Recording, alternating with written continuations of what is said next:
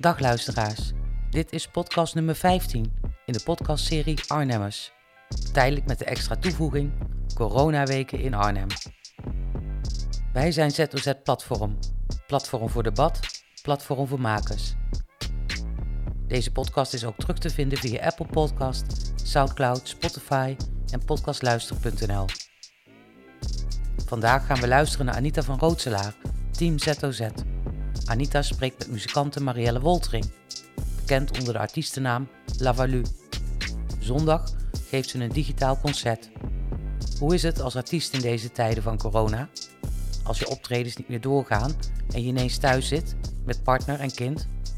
Een pleidooi voor zelfcompassie en een reflectie op deze vreemde tijden. Ik spreek met muzikante Marielle Woltering. Zij treedt op onder de naam Lavanu, maakte onder meer muziek voor de musical Het Pauperparadijs. En zondag geeft ze een online optreden voor de concertserie Garden Wonder in Boedapest. M- Marielle, ehm, een heel groot deel van jouw werk ligt natuurlijk nu stil, want optredens worden helemaal niet meer gegeven. Hoe beleef je deze tijd? Ah, nou, het zijn inderdaad wonderlijke tijden. Ehm, ja, in fases denk ik. Ik heb het gevoel dat ik elke week een beetje in een nieuwe fase terechtkom. Ik ben er in eerste instantie een beetje stil van geworden. Maar dat, dat vond ik ook wel oké, omdat ik het gewoon totaal nog niet in me had om eh, dat proces over te slaan. Ik zag een hoop mensen gelijk heel actief allerlei nieuwe initiatieven de lucht in gooien. En ik dacht alleen maar, hoe dan? Ik probeer überhaupt binnen te laten wat er gaande is op dit moment. Dat me dat zo ingrijpend en allesomvattend lijkt te zijn. Zeker omdat het wereldwijd is. Ik merk ook sowieso, merk ik deze week, dat ik veel sneller moe ben dan anders. Mhm. En dat waar je eerst tien klussen op een dag deed, dat ik nu wel blij ben als ik er één voor elkaar krijg. Dus er hangt een andere trilling en een andere spanning in de wereld. En die heb ik gewoon heel sterk gevoeld ook. Wat grijp je het meest aan dan? Ik, ik- het is heel raar. Ik had een soort rouw over de wereld.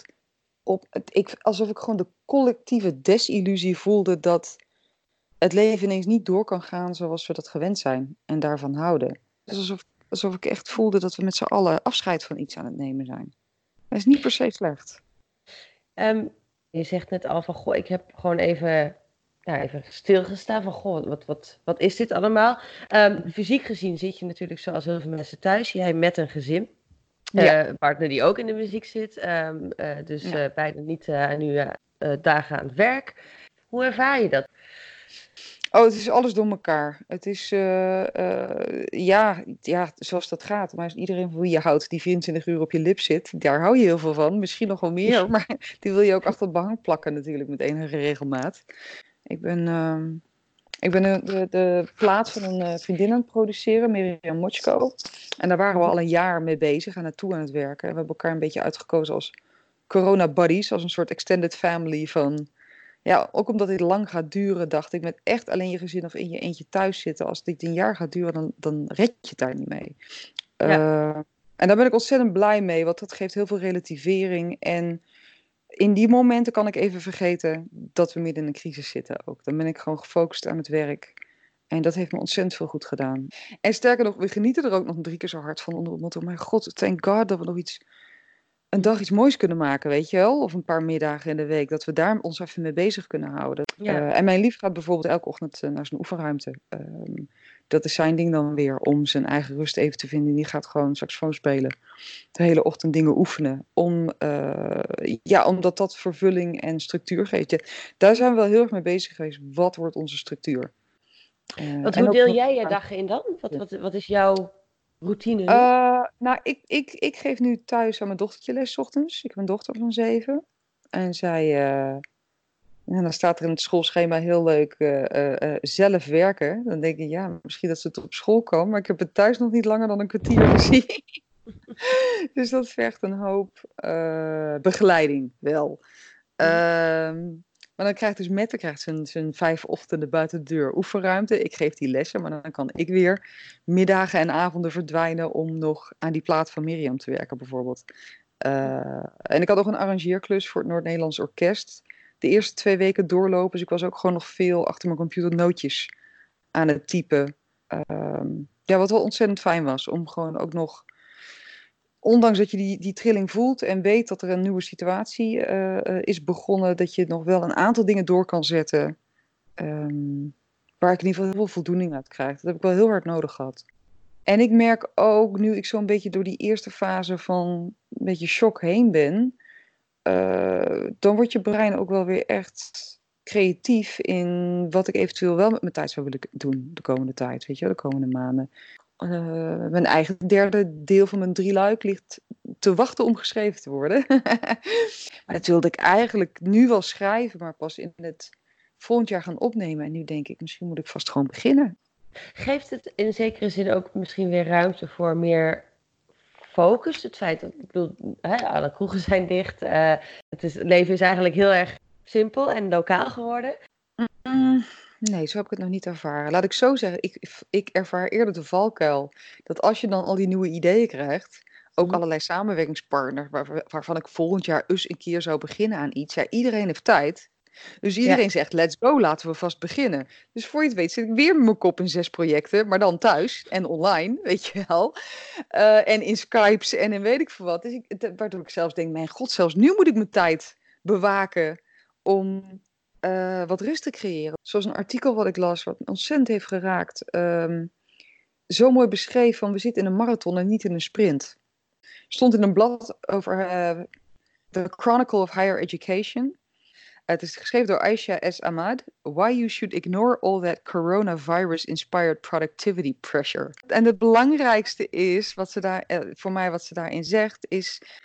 Je denkt misschien dat je er zo doorheen bent, maar stel je er in ieder geval emotioneel en mentaal op in dat dit 12 tot 18 maanden gaat duren. En als het eerder ophoudt, be pleasantly surprised.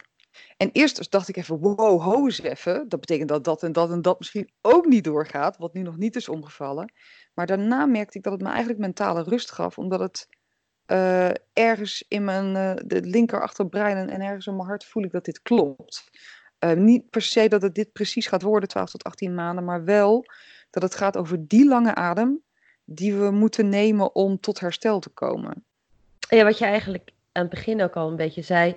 Um, het is niet even nu een, een kort incident, het is voorlopig het nieuwe normaal. Ja, ja.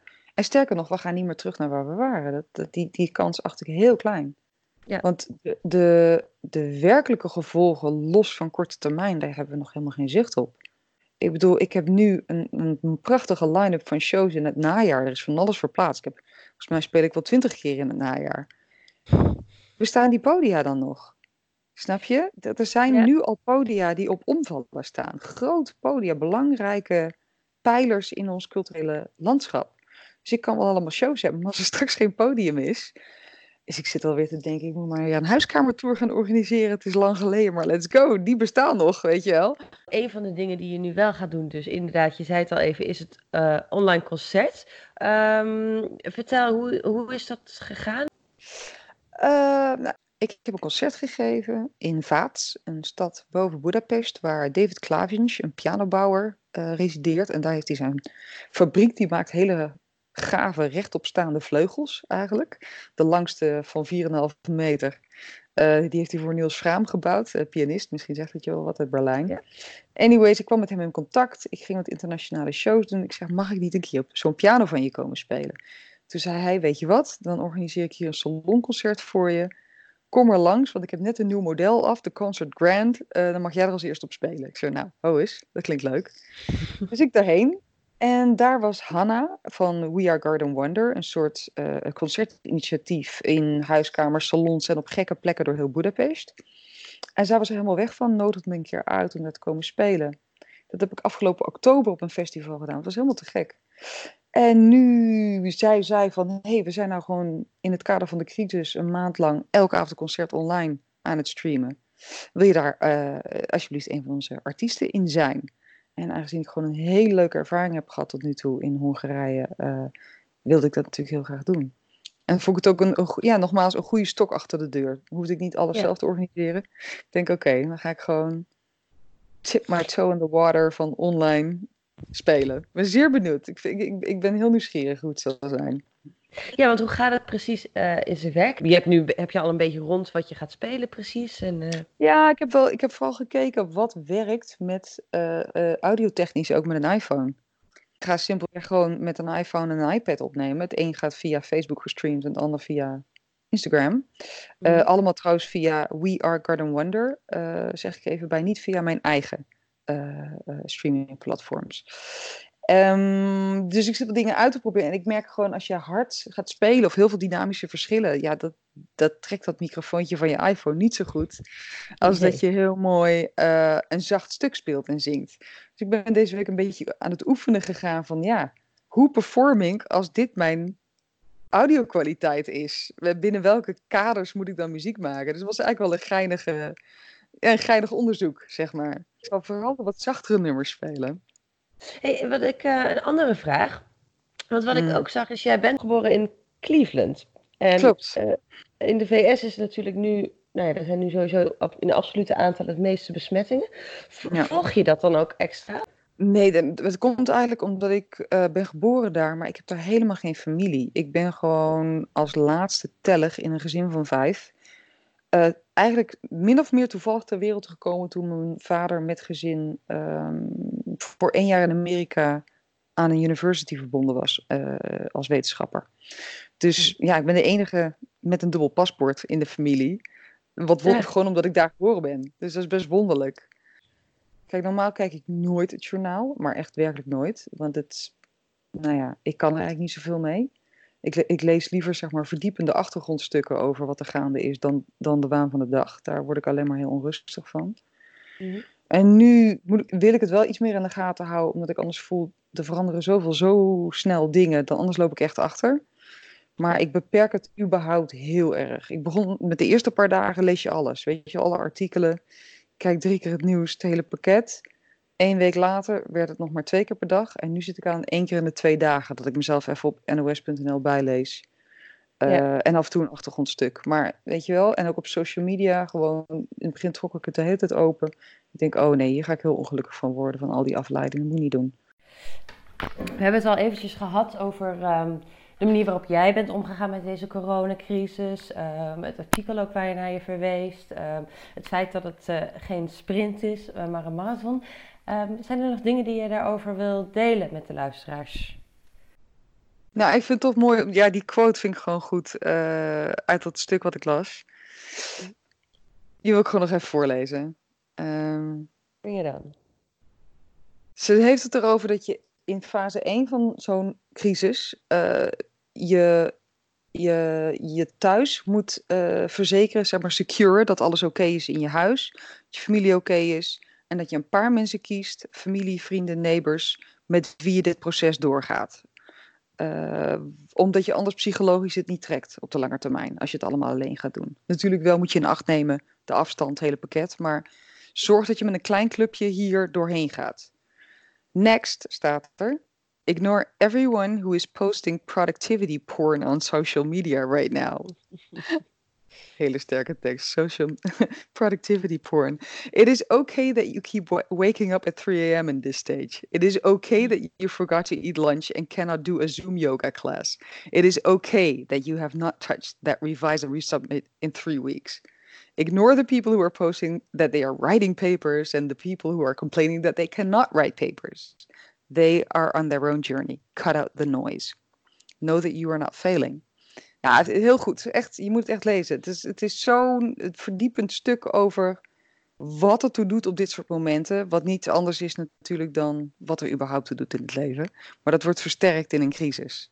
Het, het klinkt ook een beetje als een pleidooi voor zelfcompassie gewoon. En Totaal. niet te streng te zijn voor jezelf. Totaal. En ik denk dat dat. Ja, ik denk dat, dat dat in deze fase ons nog heel erg kan helpen als we de verwachtingen een stuk lager gaan leggen. Als je zo hard van stapel loopt, zegt die eh, dame ook in het artikel, van, dan bij the end of May, dan ben je over je eigen schoenen heen aan het kotsen. Zeg maar van gewoon van een burn-out, van oververmoeidheid, omdat je tegen iets in probeert te bewegen. Maar eigenlijk is het advies wat je, ook wat je eerder zei van al die initiatieven die meteen oppoppen en eh, over de sprint. Je zou kunnen zeggen dat dat ook een kritiek is op wat wij aan het doen zijn. Nou, ik heb er wel over nagedacht en ik ben er zelf niet meteen ingesprongen. Ik bedoel, zoals wij nou een echt gesprek voeren, is gewoon een echt gesprek. Dus daar is niks. Ja. Weet je wel? Maar het is wel, ik heb me wel, de, de- en de- jullie zijn een van de velen eh, die natuurlijk gelijk eh, banden bovenop sprongen. Ja. Ehm, en het is ook te gek, die energie. Dus het is, het is tweeledig. Maar eh, Ik weet voor mezelf dat ik in ieder geval die rust heel erg nodig heb gehad. Ja. En misschien is het wel goed om gewoon voor sommige mensen om eerst even te sprinten en dan te denken eh, met een hoofdpijn in bed te liggen twee dagen en denken wat is er met mij aan de hand? Oh wacht. Ja. Weet je wel, ik bedoel iedereen heeft zijn eigen leercurve, zullen we maar Ja. zeggen. En dat is oké. Ook dat is oké.